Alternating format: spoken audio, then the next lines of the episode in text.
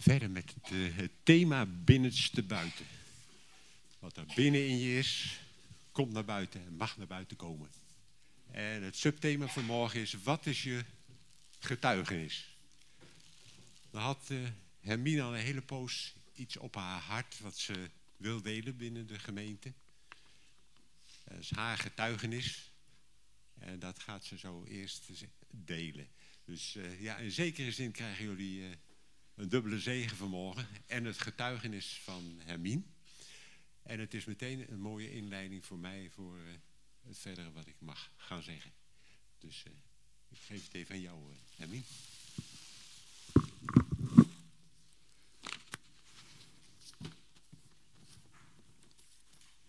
Zo, goedemorgen allemaal. ik wil reclame maken deze ochtend over een cadeau wat ik heb gekregen van God.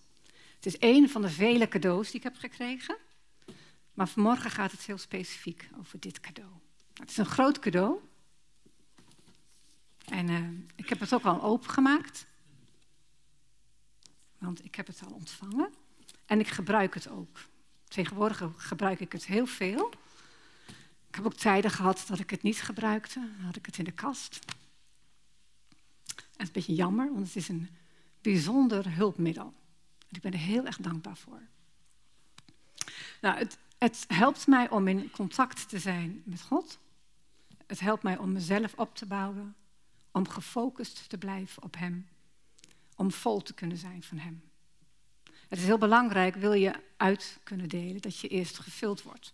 een lege kan, er komt niks uit. Dus het is heel belangrijk, net wat Esther zei vanmorgen, om je te vullen. Dus het is voor mij heel belangrijk dat ik ontvang en dat ik me laat vullen. Nou, dit cadeau helpt mij erbij. Het is namelijk een gave, een gave van de geest.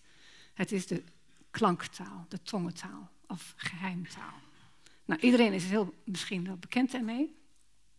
Maar ik denk dat het toch goed is om even uh, nou, toch een stukje reclame te maken weer. Omdat we, ik heb zelf ook een periode gehad dat ik het helemaal niet gebruikte. Ik dacht er niet bij na. Ik dacht, wat voor nut heeft het? Ik geloof, het is prima. Um, maar ik heb ontdekt, nu ik het veel meer ga gebruiken, merk ik gewoon dat het een, een, een bijzonder hulpmiddel is om, om je te focussen op God, om vol, voller te kunnen zijn van Hem. Nou, toen ik het voor het eerst hoorde, misschien zijn er hier mensen die het nog nooit gehoord hebben. Lijkt me sterk, maar goed. Uh, vond ik het een beetje raar. Het is natuurlijk een beetje een brabbeltaal. Hè? Het, is, het is ook een beetje raar. Maar heel vaak vinden we dingen waar we niet aan gewend zijn, vinden we raar. Dus je moet vaak wennen aan dingen. Dus zo moest ik ook er echt aan wennen. Maar omdat ik voller wilde worden van Jezus, jaren geleden, uh, nu nog steeds natuurlijk, maar goed. Toen uh, zei iemand, als je die gave wil ontvangen, dan kan je gewoon ervan omvragen. En dan kan je ook bidden om vervulling van de Heilige Geest. En uh, nou, dat deed ik toen. Dus ik stond helemaal klaar om de vervulling van de Heilige Geest en om deze gave te ontvangen. Ze baden voor mij en er gebeurde niks. Toen zeiden ze maar je moet gewoon gaan oefenen thuis. Want het is een samenwerking tussen de geest, maar ook gewoon heel praktisch. Onze mond moet bewegen. Wij vormen de klanken.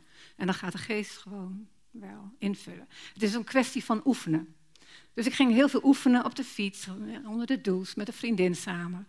En het was ook echt lachen, want je, je, creëert natuurlijk vreemde klanken. Maar ik merkte gewoon dat op een gegeven moment, hoe meer ik ging oefenen, ja, hoe meer klanken er ook kwamen en uh, dat het ook heel veel effect had. En als je merkt, als, toen ik merkte, het heeft effect, ging ik het meer gebruiken. En toen ik het meer ging gebruiken, had het nog meer effect. Dus ging ik het nog meer gebruiken. Dus ik kwam in een opwaartse spiraal. Nou, um, ik kan even een paar voorbeelden noemen, want daar gaat het tenslotte om, getuigenis. Rosalien die had een tijdje geleden de, de oudste van dienst. En toen zei ze, laten we gaan bidden voor de vervolgde kerk. En toen had ik zoiets van, oh nee, daar had ik eigenlijk helemaal niet zoveel zin in, eerlijk gezegd. Het was dus mijn vlees. En toen zei ze, we bidden voor de kinderen in de vervolgde kerk. Nou, ik voelde er niks bij. Ik denk, oké, ik zal gehoorzaam zijn, dus ik ga bidden. Maar ik begon toen gewoon in de klanktaal te bidden, zachtjes voor mezelf. Dus een hele tijd ging ik gewoon in tongen bidden, in de klanktaal. En op een gegeven moment voelde ik gewoon dat van binnenuit kwam intense bewogenheid, juist voor die kinderen in de vervolgde kerk. Dat ik, ik moest echt mijn, mijn, huilen inhouden. Ik werd zo bewogen voor die kinderen. En dat, toen ervaarde ik, dat is gewoon de Heilige Geest in mij. Dat is gewoon Jezus die zo bewogen is over deze kinderen en over de mensen in de vervolgde kerk. Dus de, de, de klanktaal hielp mij erbij om niet meer vanuit mijn vlees te reageren, maar puur vanuit de geest. Een ander voorbeeld waarom ik dit echt uh, heel dankbaar voor ben, is dat ik het gebruik in mijn stille tijd. Als, als ik s'morgens ga zitten, denk ik niet aan God, dan denk ik alleen maar aan alle dingen die gebeuren moeten worden, aan hoe ik me voel, aan nou ja, gewoon de aardse dingen. Maar als ik een hele tijd dan eerst in de klanktaal ga bidden, dan merk ik gewoon, ik word rustig en ik word gefocust op God en ik ervaar zijn aanwezigheid. En daardoor kan ik ook beter zijn stem horen, omdat mijn, mijn eigen ziel, zeg maar, mijn eigen dingen, die, komen, die gaan naar de achtergrond en de geest komt dan meer naar voren. Dus het is een, uh, ja, super uh, hulpmiddel eigenlijk. Nog een voorbeeld. Um, S'avonds als ik in bed lig en ik wil gaan slapen, dan gaat mijn hoofd. Uh, dus dan slaap ik niet zo snel in. Dus ik heb geleerd om gewoon heel zachtjes, gewoon in mezelf, de klanktaal te gebruiken. En dan merk ik gewoon dat mijn hoofd rustig wordt. En dan merk ik dat ik, merk je de volgende ochtend natuurlijk, dat ik inderdaad ben ingeslapen. Nou ja, niet, niet, uh, ik bedoel, in slaap gevallen. ik slaap nog niet in, gelukkig. Um, een ander voorbeeld uh, van de klanktaal, wat mij effect geeft, is als ik in gesprek ben met mensen, dat ik dan soms denk van, oké, ik weet niet wat ik hiermee moet. Dan bid ik dus ook in mezelf in de klanktaal. dat kan je ook gewoon in jezelf doen, heel zachtjes, onhoorbaar. En dan merk ik gewoon dat er gewoon wijsheid komt. Dat ik dan soms dingen kan zeggen, of wijsheid krijg of inzicht, dat ik denk van, zo, hey, dat is een goeie. Omdat het puur niet eens uit mezelf komt, maar dan ontvang ik gewoon de wijsheid van God. Uh, nou, het is, is gewoon je, wat ik heel makkelijk vind van, de, van deze gave van de Heilige Geest, is dat je het overal kan gebruiken. Je hoeft er niet bij na te denken. Het is ook een oefening om, om het gewoon de hele dag door te gebruiken. En hoe meer je oefent, hoe meer effect het heeft. Um, nou, het laatste voorbeeld, um, dat is gewoon tussen Peter en mij. Um, ik zat er op een dag uh, heel erg doorheen. Ik had heel veel gegeven, te weinig voor mezelf gezorgd. En ik was heel erg moe. Moest ik ook nog koken. Dus, uh, dus ik had helemaal zo'n houding, zo'n victim mentality, zo'n slachtofferrol. Van moet ik ook nog koken? En Peter zit lekker te lezen. En, uh, dus mijn gedachte begon een beetje negatief te worden. En naarmate ik moer werd en nog meer moest koken en snijden, werd ik dus alleen maar negatiever. En ook naar Peter toe. Van ja, hij zit maar te lezen en hij ziet me niet eens. En, dus het ging, hè, mijn gedachten die werden gewoon steeds sterker. Op een gegeven moment dacht ik, gelukkig heb ik geleerd om bewust te worden, bewust te zijn van je gedachten. Want dingen beginnen altijd hier. Dus op een gegeven moment realiseerde ik mij, dat was ook wel de Heilige Geest, van hallo, wat denk je eigenlijk? Toen dacht ik, oh ja, ik ben ook heel negatief aan het denken. En ik begon me ook down te voelen, want ik had te weinig ontvangen. En als je te weinig ontvangt, word je ook een beetje hè, wiebelig en down. Uh, maar gelukkig realiseerde ik mij van ik zit lekker in een negatieve mood. En ik was de aardappels aan het koken, maar binnenin mij begon het ook wel eh, behoorlijk te koken. En toen dacht ik, als ik dit nu niet ga stoppen, dan krijgt Peter de volle laag en dan is het niet gezellig thuis. Nou, gelukkig dacht ik van, oh ja, victim mentality, slachtoffermentaliteit. Ik moet er zelf wat aan doen. Uh, niet de schuld geven aan anderen. En ik begon toen inderdaad in, in de klanktaal te bidden, hè, voor mezelf. Dus onder het, maar dat ging, dat ging behoorlijk agressief. Of ik, gewoon, ik was zo boos. En, uh, dus het begon dus eh, behoorlijk uh, Op een agressieve manier. Uh, maar goed, niemand hoorde het. Af, afzuigkap stond aan. Dus geen, probleem. En Peter was toch aan het lezen en dan is hij helemaal in zijn, in zijn boek. Dus die had ook niks door. Uh, op een gegeven moment merkte ik gewoon... hey, het, het, werd rustiger. Hè? Mijn, mijn, klanktaal ook werd rustiger. Op een gegeven moment begon ik gewoon het te fluisteren. En ik merkte gewoon, hé, hey, het werd rustig. En op dat moment kon ik ook gewoon weer Jezus horen in mijn gedachten. En uh, ik ging eerst tegen hem aanmopperen, van nou, het is zo druk. En hij zegt mij, dat is, zo praat hij tegen mij, hij zegt nooit wat ik moet gaan doen, hij stelt mij altijd vragen. En ik hoorde hem zeggen, hoe komt dat, dat je zo moe bent? Uh, nou, maar die en dat en uh, allemaal anderen de schuld geven. Mm. Dus oké, okay, dacht ik, als hij altijd zegt van, mm -hmm, dan weet ik gewoon van, ik zit nog niet helemaal op het juiste spoor. Dus ik ging nadenken en toen dacht ik van, ja, eigenlijk ligt het gewoon aan mezelf. Ik, ik, heb te weinig op mijn grenzen gelet. Ik laat, nou ja, niet genoeg rust genomen. En dat zei ik toen tegen Jezus van, nou ja, het ligt aan mij, ik moet meer rust nemen. En dus had ik zo'n onderrondje met Jezus van, nou, wat kan je dan gaan doen? Nou, ik ga nu besluiten om vanavond niks meer te doen. Ik zeg dingen af en ik ga er heel rustig, op een rustige manier aan Peter vragen. Hè, zou jij de afwas willen doen? Zullen we vanavond wat leuks gaan doen? Nou, dus ik was heel blij met dit cadeau, want anders was het echt, zowel met mij als in ons huis, was het gewoon uh, nou, een beetje explosie geworden.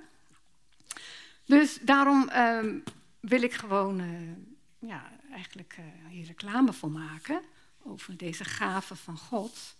En, ehm, en van harte aanbevelen. En ook iedereen, nou, als het ware, aanmoedigen om het cadeau werkelijk open te maken en het ook werkelijk te gebruiken. En het niet in de kast te laten staan, om te oefenen, om te gebruiken. Want hoe meer je het gebruikt, hoe meer effect het heeft en hoe dichter het je bij uh, Jezus houdt. Want we hebben het gewoon nodig. Jezus, de Vader heeft het niet voor niks gegeven. Hij geeft geen gaven van de geest voor niks. Hij heeft er echt een reden voor. En dat vind ik zo lief van hem, dat hij precies weet van wat we nodig hebben. En uh, hij voorziet daar ook in. Dus, het is in aanbieding, het is gratis. Dus ik zou zeggen, uh, nou, gebruik het. Amen.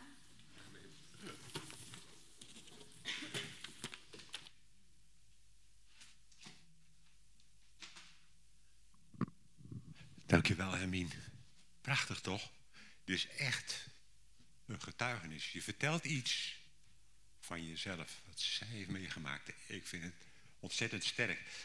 Ik zat er zelf een beetje mee met de overgang van wat zij gezegd heeft naar waar we verder over gaan hebben.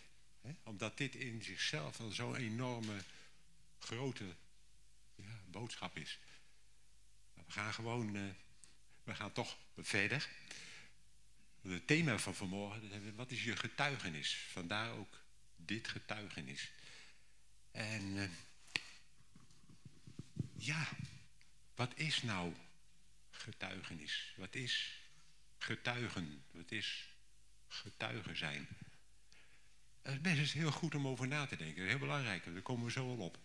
Ik vond het fantastisch. Echt, voor mij was het weer een openbaring om daar zo mee bezig te mogen zijn. Want jullie moeten weten, we hebben dit keer voor onszelf ook een aantal subthema's vastgesteld. Dus eigenlijk ben ik deze morgen geconfronteerd met wat is je getuigenis? Om daar iets over te zeggen. Ik begin daar, moet ik daar nou over zeggen, weet je wel. maar dat kwam snel genoeg. Dat is gewoon heel mooi. Dus eerst eens even met het kopje erbij van wat is nou getuigen? In het woordenboek staat, is vertellen, verklaren wat je hebt gezien, hebt gehoord, hebt meegemaakt. Dat ga je vertellen. Dat is uh, getuigen. Waar kom je nou getuigen allemaal in tegen? Kom nog alles. Uh, het is een vrij officieel gebeuren altijd, vind ik. Een, een beetje officieel woord, hè? Denk bijvoorbeeld bij een politieonderzoek. Politie die kan soms huizen langs gaan of mensen die in de buurt van ongeluk waren gewoon. Even vragen van, even horen, hoe, wat heeft u gezien? Wat hebben u daarin meegemaakt? En dat wordt opgeschreven. Dus de mensen vertellen wat ze hebben gezien en dat wordt genoteerd. Dat gebeurt ook bij een rechtbank. Dan word je officieel opgeroepen om te vertellen wat er in een bepaald eh, geval gebeurd is. Gewoon vanuit je eigen waarneming. En misschien zijn er wel meer waarnemingen. Je komt meer getuigen tegen. Je komt het ook tegen bij het sluiten van een huwelijk. Bij een huwelijk, we hebben het pas ook weer meegemaakt. Ik heb gelukkig meerdere malen getuigen mogen zijn. Vooral bij mijn kinderen, wanneer ze gaan trouwen. Dat is echt een officieel gebeuren. Je bent erbij en je ondertekent de verklaring dat je hun gehoord hebt dat ze elkaar trouw beloven. Even kortweg. Dat is ook getuigen zijn. Je komt het ook tegen bijvoorbeeld bij het sluiten van een testament. Als je een testament op hebt gesteld, ja, dan moeten er toch wat mensen zijn die kunnen verklaren van nee, hij heeft het zelf uh, opgesteld. Er is wel een notaris bij, maar er moet ook, uh, ook getuigen bij zijn. Dus uh, daar komt het ook bij voor. Gewoon, jij was erbij en het klopt, hij heeft dat opgeschreven, hij heeft dat gezegd. Dus dat is getuigen. Maar in de Bijbel komt ook heel duidelijk voor dat we getuigen van ons geloof. En daar gaan we het vanmorgen verder over hebben. Het getuigen van je geloof is dat je vertelt van jouw ontmoeting met God. Vertellen wat God in jouw leven gedaan heeft. Dat is alvast een, eh, een korte samenvatting. Er zijn, we gaan twee teksten zo uh, bekijken. Er zijn twee teksten die gaan over dezelfde gebeurtenis. Die zijn jullie best bekend, zeker de eerste. Die heet De Grote Opdracht. En die werden allebei, dus het gaat allebei over de situatie vlak voordat Jezus naar de hemel gaat. En die is ontzaglijk belangrijk. Dus de eerste, die kennen we meestal allemaal wel. Hè? Het gaat eerst met vers 18, even als, uh, als inleiding. Dat Jezus zegt tegen zijn discipelen... Mij is gegeven alle macht in de hemel en op aarde.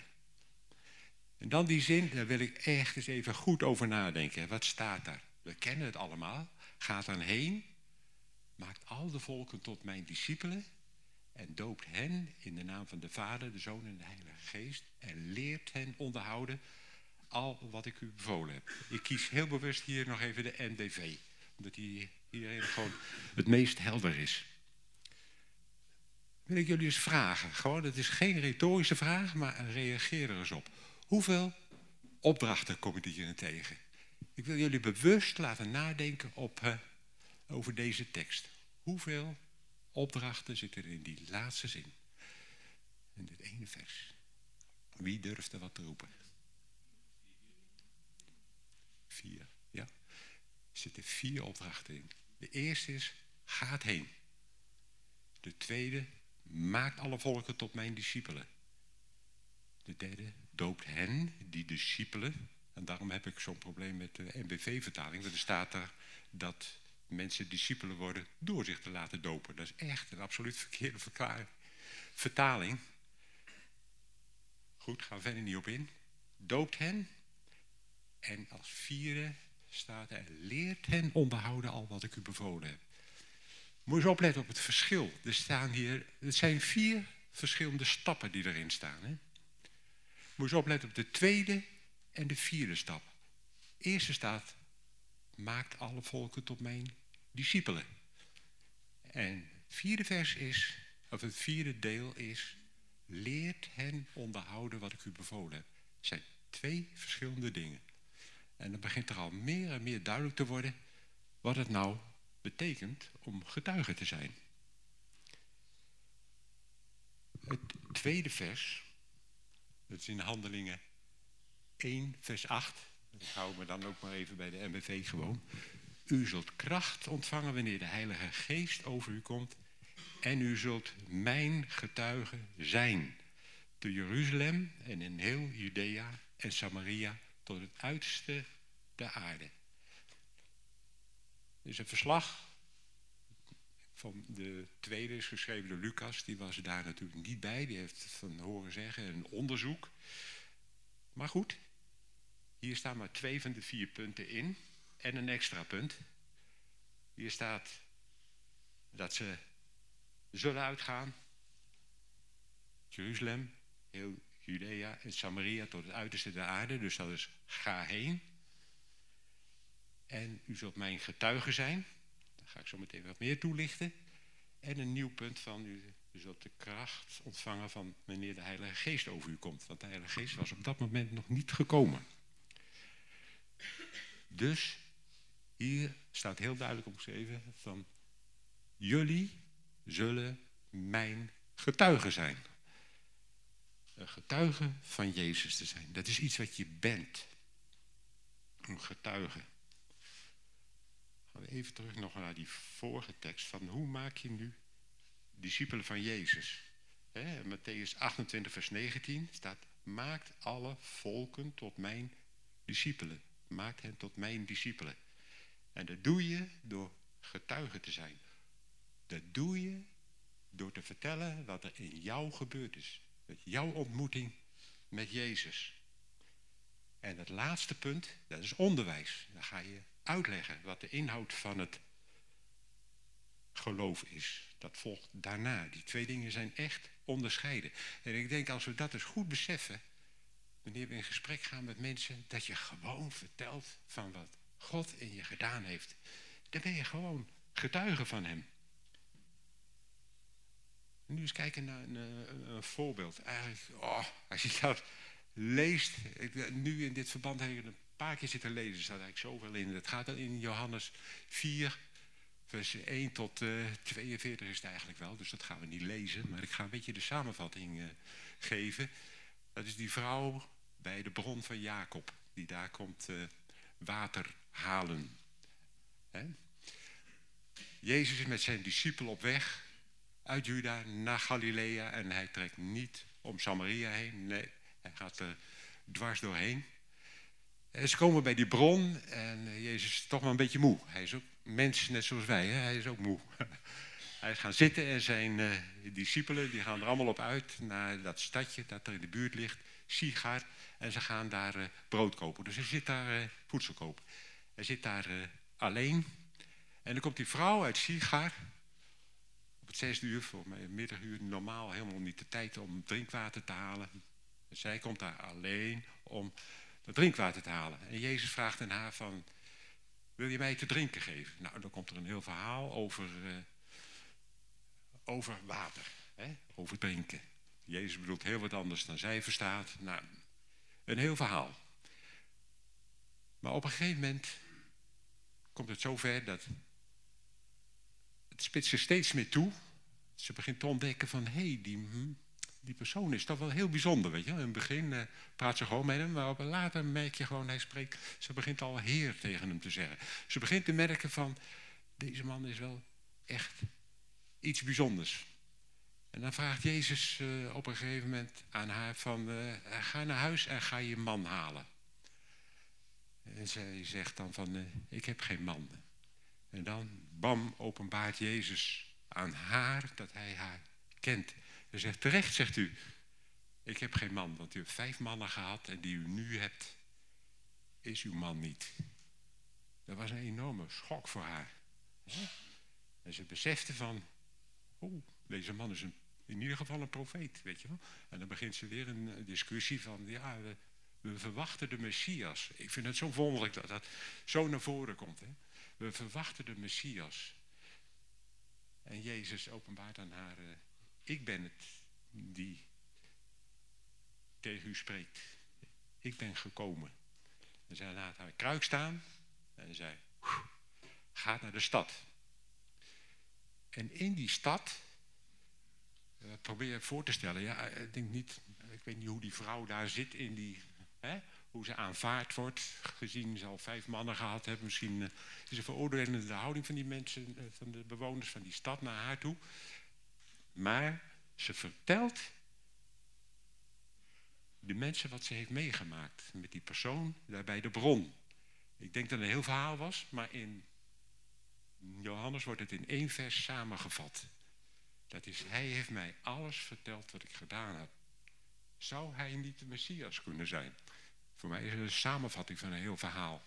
En die bewoners hebben geluisterd. Want het was haar getuigenis, het staat er. Haar getuigenis, wat ze mee heeft gemaakt van... Mag laten zien wie ik ben, weet je wel. Hij wist daarvan. Ze had echt een ontmoeting gehad. En die mensen komen tot geloof. Ik vind het zo. Hoe staat het? In vers 39. En uit die stad geloofden velen van de Samaritanen in Jezus om het woord van de vrouw die getuigde. Hij heeft mij gezegd alles wat ik gedaan heb. En daar gaan ze met haar mee om die man ook te ontmoeten bij die bron. Een uitnodiging om ook Jezus te ontmoeten. En dan hebben zij, al die Samaritanen, ook een ontmoeting met Jezus. Staat niet bij hoe dat verder ging allemaal. En dan eindigt het stuk in vers 42. En ze zeiden tot de vrouw, wij geloven niet meer om wat u zegt. Want zelf hebben hem gehoord en weten dat deze waarlijk de, de heiland van de wereld is. Zij heeft vanuit haarzelf wat ze heeft meegemaakt, dat heeft ze aan die mensen verteld. En zo mogen wij ook aan de mensen vertellen wat God in ons leven gedaan heeft. Ik heb het hier ook regelmatig gedaan. Hè. Denk aan dat vliegtuig, alles wat ik heb meegemaakt en ook tijdens mijn wandelingen toen. Regelmatig een getuigenis en ik merk dat dat het meest aanspreekt, omdat het iets is wat je persoonlijk met Jezus hebt meegemaakt.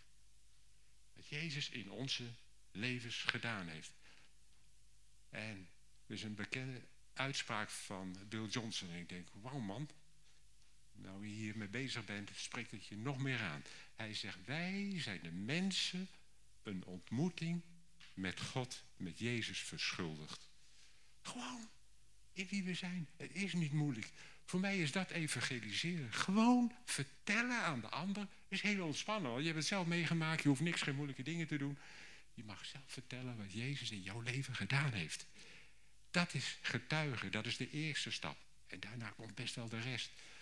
Wat is er niet opgevallen, bijvoorbeeld, uh, nu even te denken aan Cornelius bijvoorbeeld, en uh, het verhaal in, in, in Handelingen, weet je wel. Uh, voor mij was dat Petrus die binnenkwam, heel verhaal gehouden en meteen erop zeggen van, kunnen wij niet gedoopt worden? Meteen op, en dat is ook bedoeld zo, van wanneer iemand tot geloof komt, is verder helemaal niet degelijk onderwijs nodig. Als de mensen begrijpen, geloven in Jezus, dan kunnen ze meteen gedoopt worden. En daarna staat er duidelijk in vers 4, en leert hen onderhouden wat ik u bevolen heb. Dat is onderwijs, dat is prediken. Wat ik nu op dit moment doe, een stukje uitleg geven.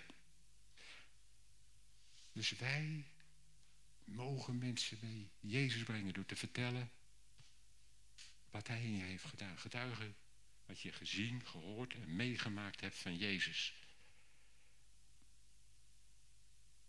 Wat is er dus nodig om een getuigenis te kunnen afleggen? Vanaf handelingen 1, vers 8. Tekst, ja. We hebben allereerst de kracht van de Heilige Geest nodig. Dan kan je misschien denken voor jezelf van, nou, ja, maar heb ik wel de kracht van de Heilige Geest? Op het moment, nu, op het moment dat je bent, echt bent gaan geloven, woont de geest in jou. Die woont in jou. Er is geen vraagteken, moet je gewoon geloven. Weet, hij woont in jou. En dan staat de kracht van de Heilige Geest. En de kracht, dynamisch staat er eh, in het Grieks, is dus, hè, dynamiek komt er vandaan, het vermogen, de kracht. Het is ook de bekwaamheid, het vermogen, ehm, de durf, het in staat zijn om te getuigen. Het gaat gewoon, omdat het met je gebeurd is, daar ben je enthousiast over. Daar kun je gewoon over vertellen. En dat gebeurt dan gewoon. Door de Heilige Geest kun je een effectieve getuige zijn van Jezus. Er staat dus dat we getuigen zijn. Dus we vertellen wat er met ons is gebeurd. Wat u net al gezegd hebt, dat is wat anders dan onderwijs geven. Hè? getuigen laten zien en laten vertellen wie Jezus voor jou is. Wat je persoonlijk heeft gezien en gehoord, meegemaakt.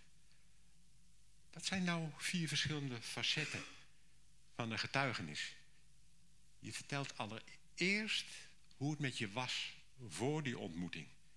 Hoe je, Mindy zei uh, het straks ook een prachtig voorbeeld van, ja, ik ben,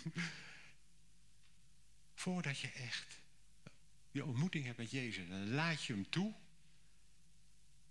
En dan heb je een ontmoeting met hem en dat, beweegt, dat, dat brengt een verandering teweeg. Dat Mino net zo mooi naar voren heeft gebracht.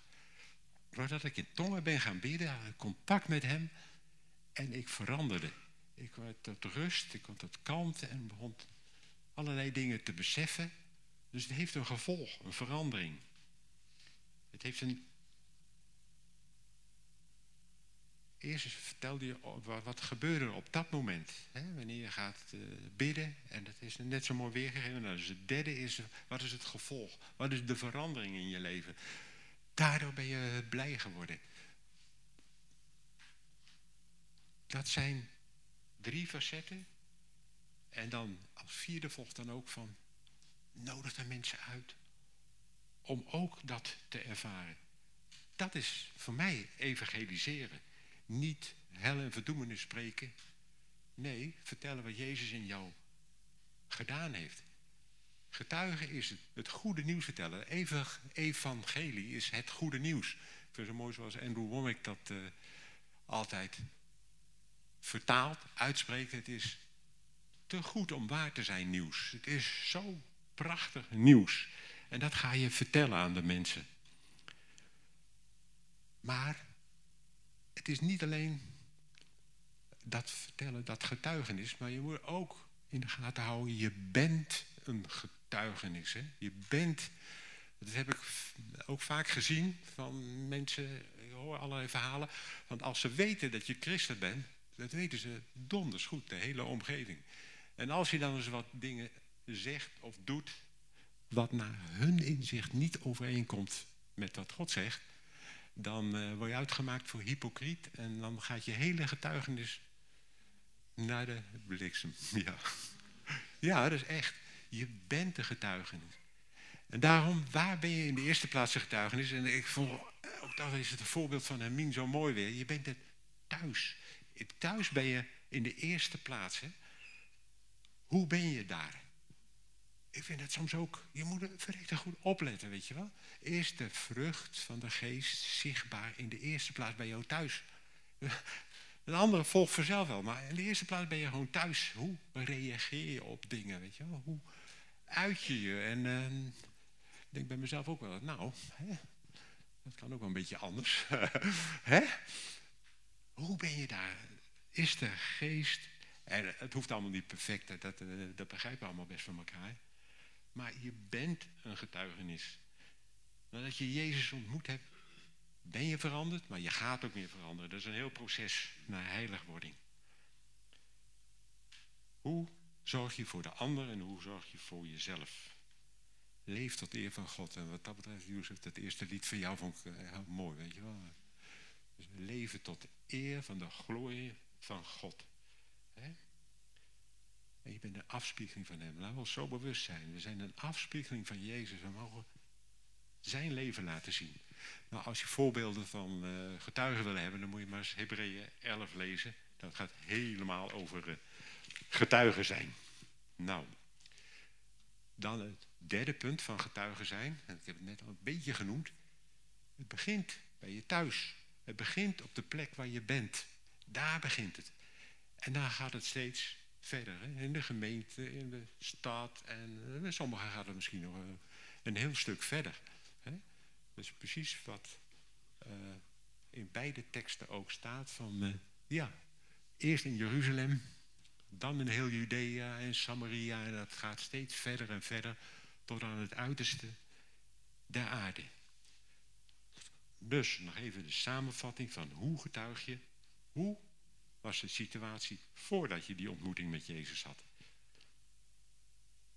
En het gaat, dat wil ik ook nog benadrukken, het gaat echt niet om die eerste keer dat je die ontmoeting hebt, maar je hebt een regelmatige ontmoeting met God. Als het goed is, heb je regelmatig een ontmoeting met Jezus die je aanspreekt, of hoe dan ook, over dingen. Wat is er op dat moment gebeurd? Waardoor ging je geloven? Hoe kwam het? Wat heeft Jezus gedaan op dat moment? kwam net in dat getuigenis ook zo mooi naar voren. Dan, wat is er nu anders in je leven? De verandering, de uitwerking. Daar mag je over vertellen. Wat gaat er beter? Wat zijn de gevolgen daarvan? En de vierde is, je mag mensen uitnodigen om dat ook van Jezus te mogen ontvangen. Het is ook voor jou. Het doel uiteindelijk is, en dat kwam ook bij het verhaal van die vrouw zo naar voren, dat de mensen God de eer geven als ze getuigenis horen. En dit zelf ook willen en tot geloof komen. Maar het is ook, we mogen ook merken van, het is ook om elkaar te bemoedigen. Hè, die getuigenis. Dus, nog een keer. Getuigen is vertellen over jouw persoonlijke ontmoeting met Jezus. Heb ik voor jullie... Twee opdrachten. Ik had het eerste willen uitwerken, maar ik dacht dat wordt waarschijnlijk allemaal veel te lang. Ik wil het gewoon kort en krachtig houden. Ik heb twee opdrachten voor jullie. En ik wil jullie zo vragen van, geef dit nou eens voor jezelf handen en voeten. Er is niks praktischer dan dit in het naar buiten treden. Oh, ik had de samenvatting nog eventjes hier willen neerzetten.